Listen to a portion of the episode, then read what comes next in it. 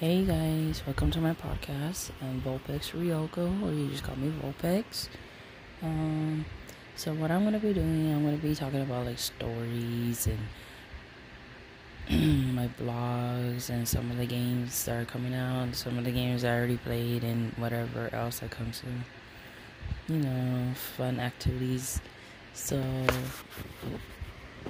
anyways most of you don't know me, but I live in Nevada and I've been here for a long time.